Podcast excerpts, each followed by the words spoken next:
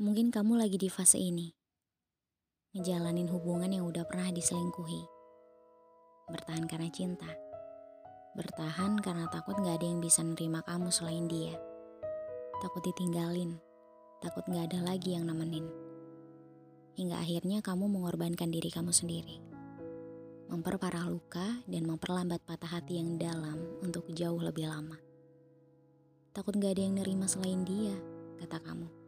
Sampai pada akhirnya kamu lebih mengorbankan diri kamu sendiri. Padahal itu semua cuma ketakutan, bukan cinta yang selalu kamu benarkan. Sampai-sampai kehilangan diri kamu sendiri, bukan diri kamu yang bisa kamu kendalikan atas rasa kamu itu.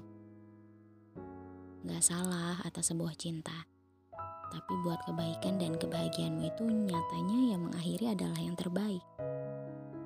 Berharap dengan yang baik-baik bahwa semuanya bakalan usai dan kamu juga bakalan bahagia setelahnya.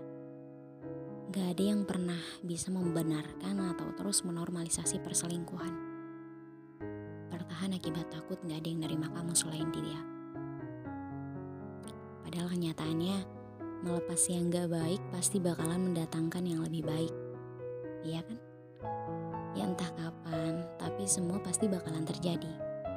Selamatkan diri kamu sendiri dari hubungan yang gak baik itu.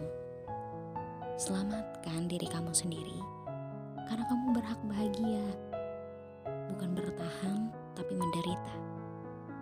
Bukan juga bertahan, tapi penuh dengan kepalsuan.